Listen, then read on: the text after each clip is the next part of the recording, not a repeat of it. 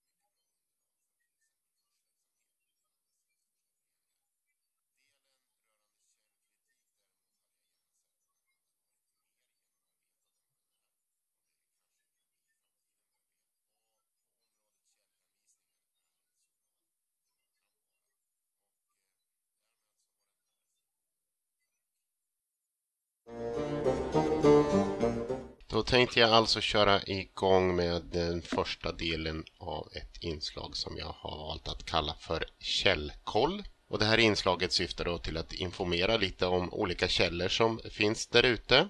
Det kan röra sig om stort eller smått, eh, hela arkiv, små bestånd, delar av bestånd eller ja, vad som faller mig in och vad som kan tänkas vara intressant att informera om. Och först ut får Eriksbergsarkivets autografsamling vara. Eh, ett eh, bestånd som jag själv inte haft sådär jättemycket kontakt med tidigare. Jag har sett att det finns men har egentligen inte haft riktigt kläm på vad det innehåller tills eh, nyligen då jag botaniserade lite där och hittade ganska mycket material kring en släkt som jag har forskat på. Och ja, vad är då Eriksbergska arkivets autografsamling? Om man bara tänker på namnet så kanske man får associationer till, till en bok med, med namnteckningar om man nu någon gång har varit en autografsamlare. Men det här handlar alltså om olika brev eh, som är undertecknade av olika personer. Man har alltså sparat autografer i, i form av brev och de här är samlade i volymer. Det är mer än 300 volymer varav de mest intressanta kanske är de 245 första, i varje fall för mig, som handlar om eh, svenska autografer och de är då alfabetiskt ordnade A till Ö. Utöver de här svenska autograferna så finns det utländska autografer och eh, svenska kungliga autografer och utländska kungliga autografer i form av brev alltså. Den här samlingen har då deponerats av familjen Bonde på 40-talet och finns på Riksarkivet. Och man kan läsa de här breven online via Riksarkivets tjänstsvar. Och man hittar dit via digitala forskarsalen hos Svar och under specialsök så finns det någonting som heter Eriksbergsarkivets autografsamling. Och där kan man välja vilken av de här fyra olika kategorierna av autografsamlingar man kan titta på. När man går in i de här eh, autografsamlingarna så finns det allsköns eh, brev. Själv hittade jag ett par 300 sidor av brev som hade skickats mellan olika medlemmar av den här familjen som jag har tittat närmare på. Det har ju varit väldigt intressant material med tanke på att det kanske kommer fram lite mer personliga detaljer i, i, i sånt material. De här breven är inte förtecknade vad jag vet på något sätt och man kan inte söka fram dem via Riksarkivets söktjänster för brevsamlingar utan eh, man får helt enkelt gå in i volymen som det avser att leta sig fram. Men eh, det är ju uppsatt i alfabetisk ordning så det är ganska så okomplicerat. Om man tittar här, jag har det på skärmen framför mig, så har vi volym 1 så är det för släkter från Abel till Adler, Kreutz Och i nästa volym så har vi Adlerkrona till Adlerwall. Så att man eh, man tar bara och kliver in i rätt volym och letar sig fram. Som sagt, det är ett väldigt varierat men mycket intressant material. Men utöver de här volymerna som innehåller svenska brev finns det då andra intressanta volymer som innehåller utländska brevskrivare och kungliga brevskrivare. Så är man intresserad av sånt så finns det alla möjligheter att gå in och kika på brev som Gustav Vasa egenhändigt har nedtecknat och, och se hur han formulerade sig i sitt brevskrivande. Den lilla introduktionen till Eriksbergsarkivets autografsamling får vara det första inslaget i den här nya programpunkten Källkoll.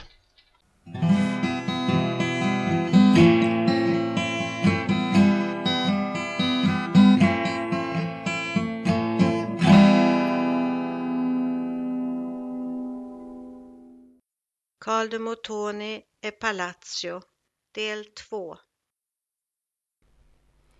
Pojken hade under två veckors tid varit inlåst och fått bröd och vatten varannan dag och ingen varm mat. Men han hade lösgjort sig och rymt och kommit till kyrkoherden och begärt att få ett nytt intyg så att han kunde söka ny tjänst hos någon annan och han var borta och ingen visste var han var. Pojken hade varit i Motonis tjänst och under denna tid hade gossen flera gånger bevisat sig äga en obotlig sturskhet, ofta ej åtlydande givna befallningar. Och när han hade blivit tillsagd så kom han med sanningslösa berättelser och välförtjänt aga hade inte ens förorsakat någon förändring hos gossen. Därför hade han blivit inlåst av Demotoni. Husaga var på den här tiden helt laglig men Motoni anses inte ha rätt att hänvisa till att han är kungens ställföreträdare och därför straffa pojken genom att låsa in honom två veckor på vatten och bröd. Hedenstierna och Ehrenborg skriver till kungen och korrespondens går fram och tillbaka. Till slut får Motoni en skarp reprimand av kungen och han ska betala ersättning till pojken. Samma höst förrättas en auktion på en av arrendegårdarna på Ängeltofta. En bonde Persson är dömd att betala till en bonde Jonsson en stor summa pengar och pengarna ska indrivas genom auktion. Det blev en rättegång och i den beskrevs händelsen på följande sätt. Då Motoni kom till auktionen. Han ropar högt. Vem är det som håller auktion på mina saker? Han ville hindra att auktionen skulle verkställas och ställde sig med sin rödbläsiga häst mitt i stalldörren och bad Mosell, som var auktionsförrättaren, att draga för tusan jävlar från gården.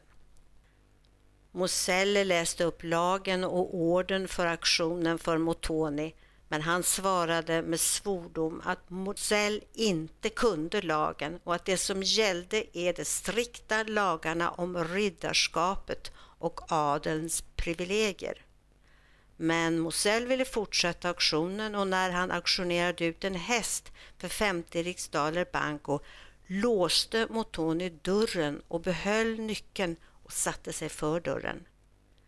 Han sa, den som öppnade dörren skulle han rida ner och den som dristade sig något annat skulle få två års fästning.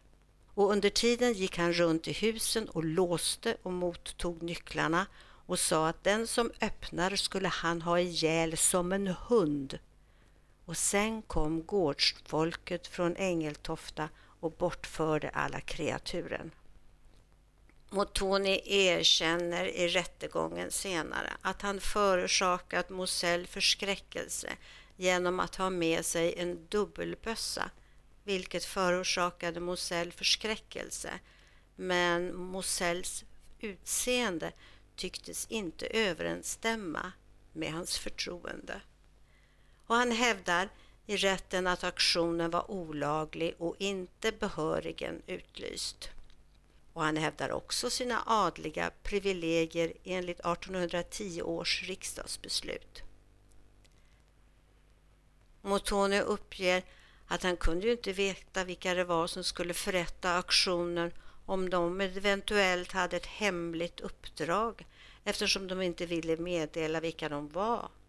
Och det finns, säger han, sådana som luras och utövar olovlig handel, meddelar han, och själv ansåg sig Motoni känd av allmänheten. Men han visste inte om allmänheten kände till dessa män som stod i beredskap att starta auktion. Motoni menar att varken han eller Mosell hade begått något olagligt. Men Motoni döms att plikta, det vill säga böta, för olovligt förfarande vid auktion. Tidig höst samma år står det i inrikes tidningar att Carl de Motoni med fru utpasserade som passagerare från Helsingborg. Månne hälsade de på Antoinettes familj i Lübeck. Därför strax efteråt skriver Karl igen till kungen privat och han ber om förlåtelse för sig och sin familj. Han avsäger sig förvaltarskapet av Ängeltofta men lovar att hjälpa den nya inspektorn men han ber också om att få ett lån till en gård i närheten av Ängeltofta.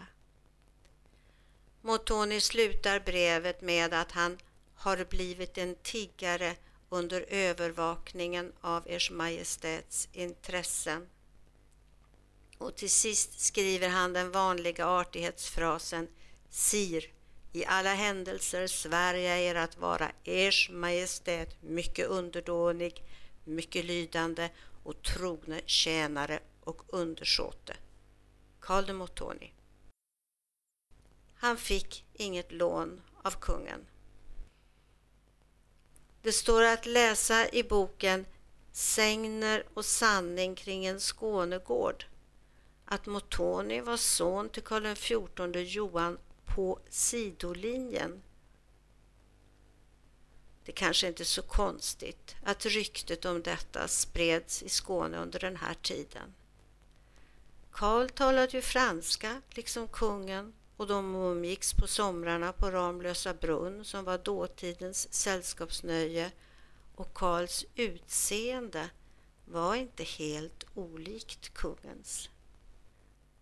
Det är oklart när Motonis formella förvaltarskap på Ängeltofta upphör. 1820 erbjuder sig överstelöjtnant Toll att ta över förvaltarskapet av Ängeltofta. Vilken roll Motoni har på Ängeltofta fortsättningsvis är svår att avgöra men den 8 maj 1823 undertecknar han kontrakt för gårdar där och det finns noteringar om att han är sekreterare åt Engeltofta våren 22. Under tiden pågår ständiga rättegångar mellan Karl de Motoni och handlaren Tönnig angående en solarväxel. Tönnig var ägare till Ramlösa brunn och en växel var en sorts lån som skulle betalas omedelbart men som man kunde överlåta på en annan person. Sådana växlar finns inte längre men de var vanliga ända in på 1900-talet. Men det pågår också rättegångar angående affärer, egentligen påskrivna lån mellan Motoni och Toll för pengar som används till plantering för att binda sanden på Bjärehalvön, så kallad flygsandsplantering. Och för att detta skulle kunna ske så var man tvungen att flytta några hus. Och så fortsätter rättegångarna. Den 9 mars 1820 föds dottern Aurora Kristina Selma Eleonora. Hon kallas Selma. Karl, som inte fick låna pengar av kungen till ett eget hemman, han får nu arrendera ett säteri som kungen har köpt. Det heter Gammelstorp säteri och ligger i närheten av Lidköping. Han skriver till kungen att han är glad och lycklig att få arrendera av kungen. Han har undersökt skogsbruket och han rapporterar om avverkning av ek och att han ska köpa får som han ska sälja successivt. Han kommer också att kunna sälja hundra famnar ved utan att kalhugga skogen. Han lovar att det hela kommer att bli till belåtenhet och att han ska betala sitt arrende de första fem åren enligt kontraktet. 4 av kapitalet på 90 000 riksdaler banco och 100 000 riksdaler banco i avsättning för Ers Majestäts skogsprodukter. Och avslutningsvis skriver han att han är tacksam för den respekt kungen har visat honom. Senare begär han sin lön på expectans om 50 riksdaler banco för andra kvartalet. Och i februari 1821 skriver Karl från Gammelstorp till kungen. Han skriver att han har mottagit ett brev från kungen och väntat på det länge, men att han har väntat ett helt annat innehåll. Kungen har skrivit om en klocka som Karl inte alls känner till och alltihop visar att kungen inte längre kommer att räkna med honom. Karl skriver vidare hur olyckligt detta är för honom och hans stora familj, hans hjärta och vilket hemskt öde som kommer drabba hans barn och att nu Karl är ett offer trots hans långa tjänstgöring för kungen. Om kungen åter gör honom oskyldig kan han kanske bära sitt öde men den omständighet han nu befinner sig i är värre för han kan inte betala arrendet för Gammelstorp eftersom tiden har kommit att betala i guld till Svenska banken.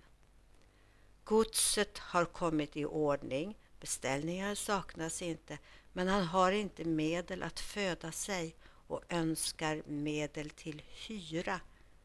Om kungen nu beviljar hans tiggeri är hans familj räddad, men om han inte gör det återstår bara för honom en reträtt från det beskydd som kungen innehar eftersom egendomen är kungens. Avslutningsvis ber han kungen snart avgöra hans öde. Samma år skriver de Motoni under en borgensförbindelse mot att han fick säkerhet i friherre Karl Henrik Posses egendom men denna har tagits i mät på grund av Posses skulder och rättegången kommer att pågå. Motoni kan inte närvara själv och ett visst ombud, en herr lagman J. G. Odar, företräder honom och betalar borgen så han kan fortsätta överklaga. Men till slut avgörs i Svea hovrätt att Karl de Motoni döms att betala vad han ådömts. I januari 1822 döps Otto Wilhelm Maurits de Motoni i Gammelstorp. Då har Karl skrivit till kungen igen. Han skriver att han tillstår sina fel, att han har gjort orätt mot kungen men förlitar sig på kungens högsinta hjärta och att han aldrig gjort motstånd att ursäkta honom när de träffades på Gammelstorp. De faderliga förebråelser som Karl fick ta emot har gjort intryck på honom och de fiender har till och med märkt att hans uppträdande förändrats sedan dess. Han skriver att jag har därmed bevisat att inte ens en brottsling blir utestängd från kungens välvilja och därför bör han inte heller frukta att bönfalla kungen om hjälp för sig och sin stora familj. Han påminner om att kungen känner till hur svårt bönderna har det och han kan inte betala arrendet i pengar och ber istället att få betala i natura tills vidare. Han tror att han kommer kunna betala det längre fram men kontraktet förfaller till betalning och han ber om uppskov. Skriver att han och hans familj är utan tak över huvudet eftersom han sedan sex år inte haft annat än sin lön på 200 riksdaler banco att försörja sin familj på. Och den summan räcker för en som bara lärt sig soldatyrket. Men sedan jag gift mig, skriver han, har jag förlorat min lön på Royal Suédoise och har inga utsikter för min framtid. Och hans liv är nu det mest sorgliga i världen. Han har gjort många reparationer på Gammelstorp för att få det i ordning och lagt ner en summa på 1318 riksdaler banco och han hoppas snart få skörda frukterna av sitt arbete. Avslutningsvis skriver han de vanliga fraserna och att vilket beslut kungen än tar så kommer du Motoni ära kungen alltid till den sista dagen i hans liv. Jag har hittat ett otal rättegångsprotokoll i rådhus och häradsrätter, i lagmansrätt, Kemnarsrätt och hovrätt, där Karl de Motonis namn är nämnt alltid som den stämde och nästan alltid gällde målen ekonomiska förehavanden. Det kunde också gälla sånt som arrendebönderna på Ängeltofta anfört mot Notoni, som till exempel flyttande av en kvarn, rivning av ett tegeltak långt efter det att Notoni hade lämnat Ängeltofta. De här målen skulle bli för långrandigt att berätta om i den här berättelsen. Men några mål avviker i alla fall och det är de som inkom till Bjäre häradsrätt 1823. Det gäller vägerfridsbrott, sambandsbrott och skörboende. Vägerfridsbrott kunde vara oförsiktigt framförande av häst eller vagn eller att köra berusad eller beväpnad eller något sånt. Och sabbatsbrott kallades det när man utförde ett hantverk eller ett annat arbete som inte kunde vänta från söndag morgon till söndag kväll. Skörboende innebar att man inte sov i sin rättmätiga bostad. Det var allvarliga brott på den här tiden.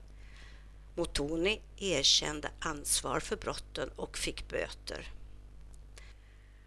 När man läser svenska domböcker kommer man lätt till slutsatsen att det på inget sätt var ovanligt att tvistemål av olika slag behandlades i domstolarna. Protokollen är ofta mycket detaljrika och sakligt skrivna och vittnesberättelser och inlagor är bilagda och man gör inte skillnad på personer med titlar och ladugårdspigor. I januari 1823 föds Karls andra dotter. Hon får namnen Anna Elisabeth Pauline Charlotte och kommer att kallas Pauline. Samma år kunde man läsa i tidningarna att sonen Otto Wilhelm Maurits dött på Ängeltofta. Ett år och sju månader gammal blev han och han dog i spanska sjukan. Det hade varit missväxt på flera orter i Skåne och 1825 annonserar kungen ut Ängeltofta till försäljning. Ängeltofta är återigen ett ekonomiskt fiasko. Motoni får välja mellan att få lön på expektans eller att arrendera hemmanet Nådala. Nådala ligger vid nuvarande Ängelholms flygplats.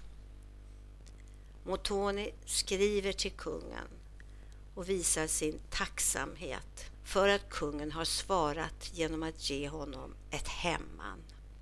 Och han tackar för att kungen har visat sin storsinthet utan gräns. Sir, ne peut que toucher mon cœur. Sir, vad kan inte röra mitt hjärta? skriver han. Och så ber han om 800 riksdaler banco för att möblera eftersom gården knappt är beboelig. Motoni lånar pengar av Tönnig, han som ägde Ramlösa brunn. Det gör han genom att skriva på en solarväxel. Den här växeln förs över till kommersrådet herr Ram i Stettin och den är vidare överförd till Antoinettes far Hans Henrich Schön och sen är den överförd till Antoinettes systers man, en handelsman Schütze.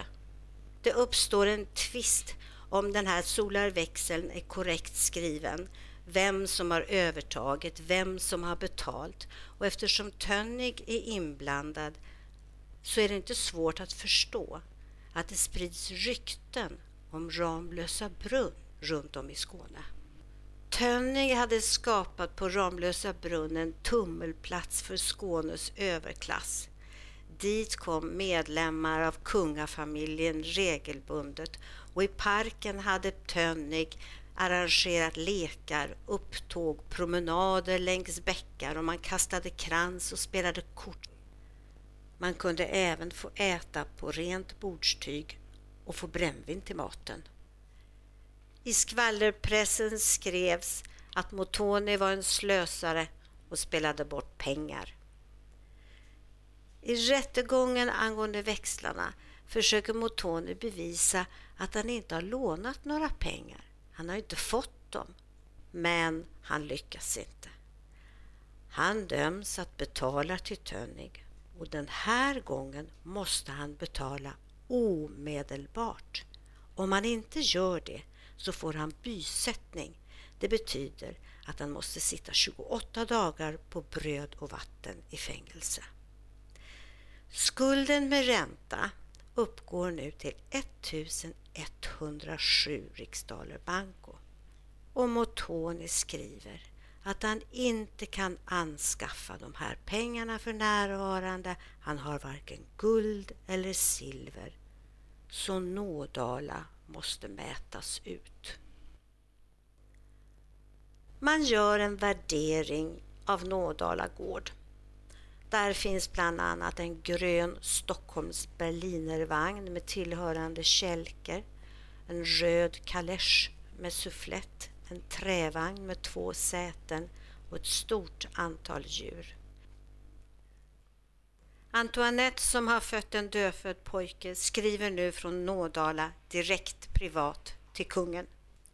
Hon skriver bara den mest extrema förtvivlan kan ge mig djärvheten att besvära er med klagolåtar över vårt ömkliga tillstånd. Min man har redan förlorat allt hopp och överlämnat sig till den mest fasansfulla melankoli som ofta bär honom nära graven. En konkurs är oundviklig och vilken framtid finns för oss?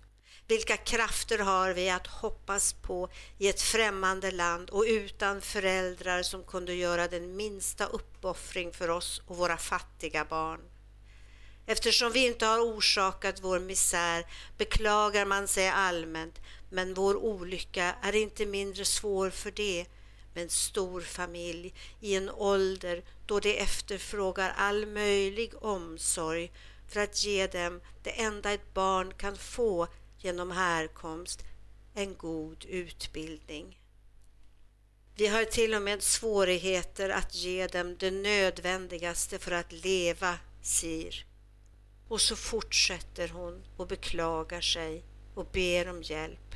Och slutligen skriver hon Jag lägger min och mina barns lycka mellan era händer och jag kommer aldrig sluta vara med djupaste respekt, Sir Eders Majestät, den mycket underdåniga och mycket tillgivna tjänaren Antoinette de Motoni. Och det blev som Antoinette befarade, konkurs på Nådala. Karl de Motoni har rest till Stockholm.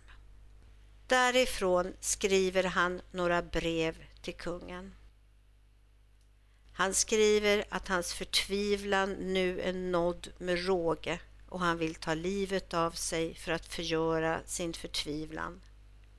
Hans samvete är fri från all kritik och som han skriver, min olycka oavsiktlig.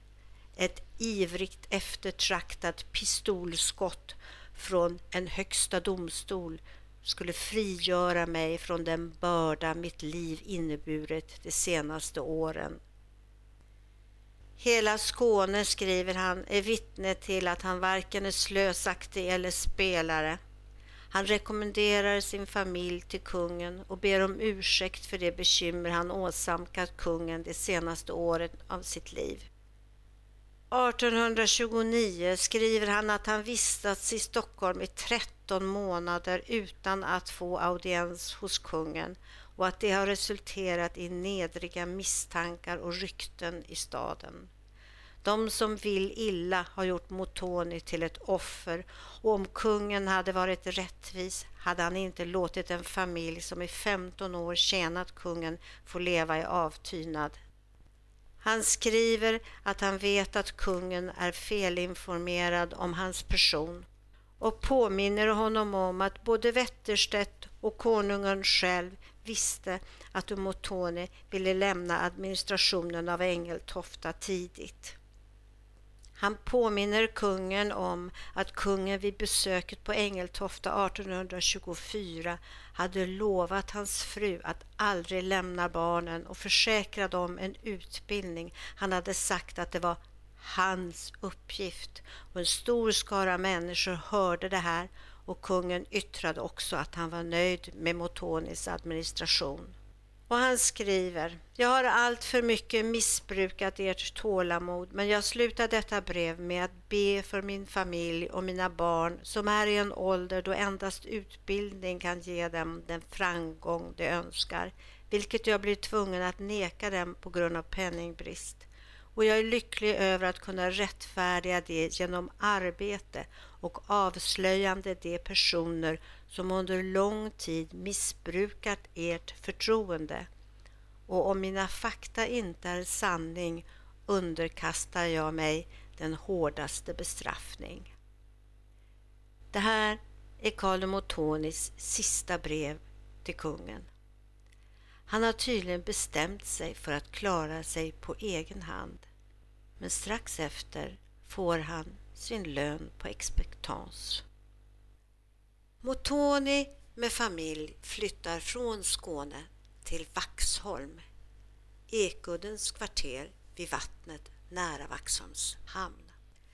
Möjligen tog sig Karl till Vaxholm för att bedriva skeppshandel. I varje fall står han som ägare till skonärten Pontocorvo som lastats med trä och järnvaror som skulle försäljas i Pilau, nuvarande Ryssland.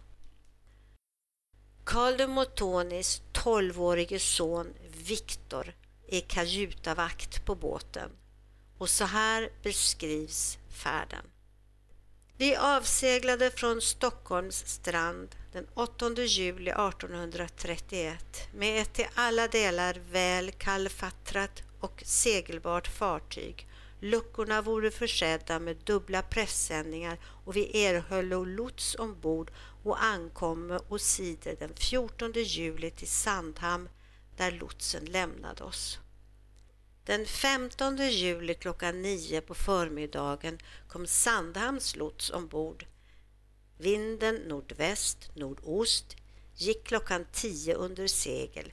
På höjden av Grönskär lämnade oss lotsen. Klockan halv till tolv pejlades Grönskär fyr i nord. På en halv mils distans styrde längs syd-sydost ifrån den 15 till den 18 samma vind fortfarande på nordost och ost med gott väder. Under tiden fick vi land i sikte av Gotland. Den 18 på morgonen klockan tre vinden nordväst, väst samt sydnord och med tilltagande svår storm och svår sjögång sattes alla småsegel fast samt alla reven i övre ändan av flera segel klockan åtta, vinden mot norr, revades storsegel ovanför båten och focken och pumpade läns. Från klockan åtta till följande morgon den 19 samma vind med svår storm och sjögång vilken beständigt överbröt fartyget. Klockan sex på förmiddagen överbröt en svår brottsjö hela skeppet, tog in brädgången av babordssidan och stättorna samt bräckte relingen. Dock överskyldes skadan med segelduk och pumpades läns. Klockan halv till sju åter en svår störtsjö över hela fartyget som bröt stora båten, brädgången och stätterna i mitten av fartyget. Fartyget fylldes därvid genast med vatten och började sjunka, varpå jag med manskapet begav oss i livbåten för att frälsa livet dock utan att få med oss några kläder eller andra förnödenheter. Efter vår räkning befann vi oss ut i 56 till 21 latitud och minut ut i sydost 10,5 sjömil närmaste land. Jag med besättningen drev ut i öppen sjö för vind och våg, många gånger i fara att kantra och överstörtad av svåra sjögångar. Dock lyckades det oss att med Guds nådiga hjälp efter 24 timmars förlopp fingo se land i sikte. Det var Libau och vi ankomma i Libau hamn den 20 juli klockan sju på förmiddagen med båten och livet men djupt sjuka av hunger och törst och av verka. Så beskrev Skeppar Mattsson hur det gick till när Ponte Corvo gick under.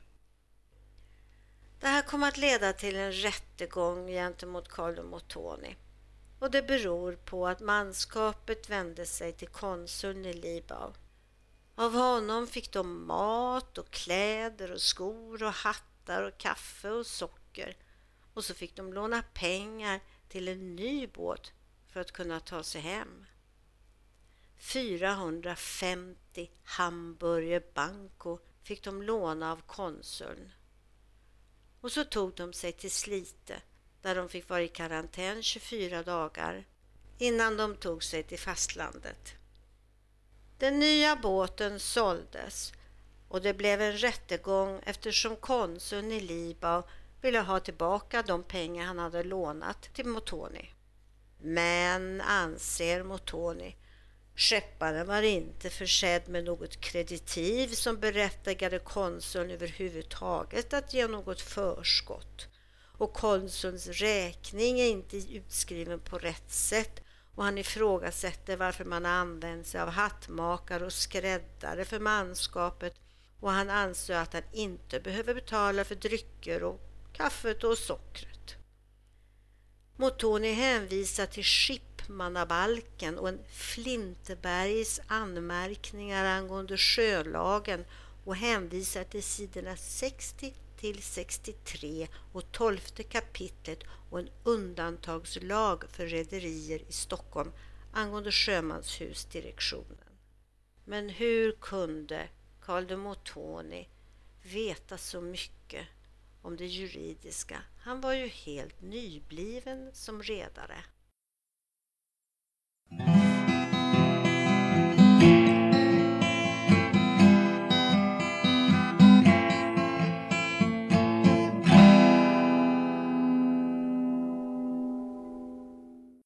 har nästan en timme poddande gått ut i etern och eh, jag hoppas att ni har haft glädje av det här avsnittet.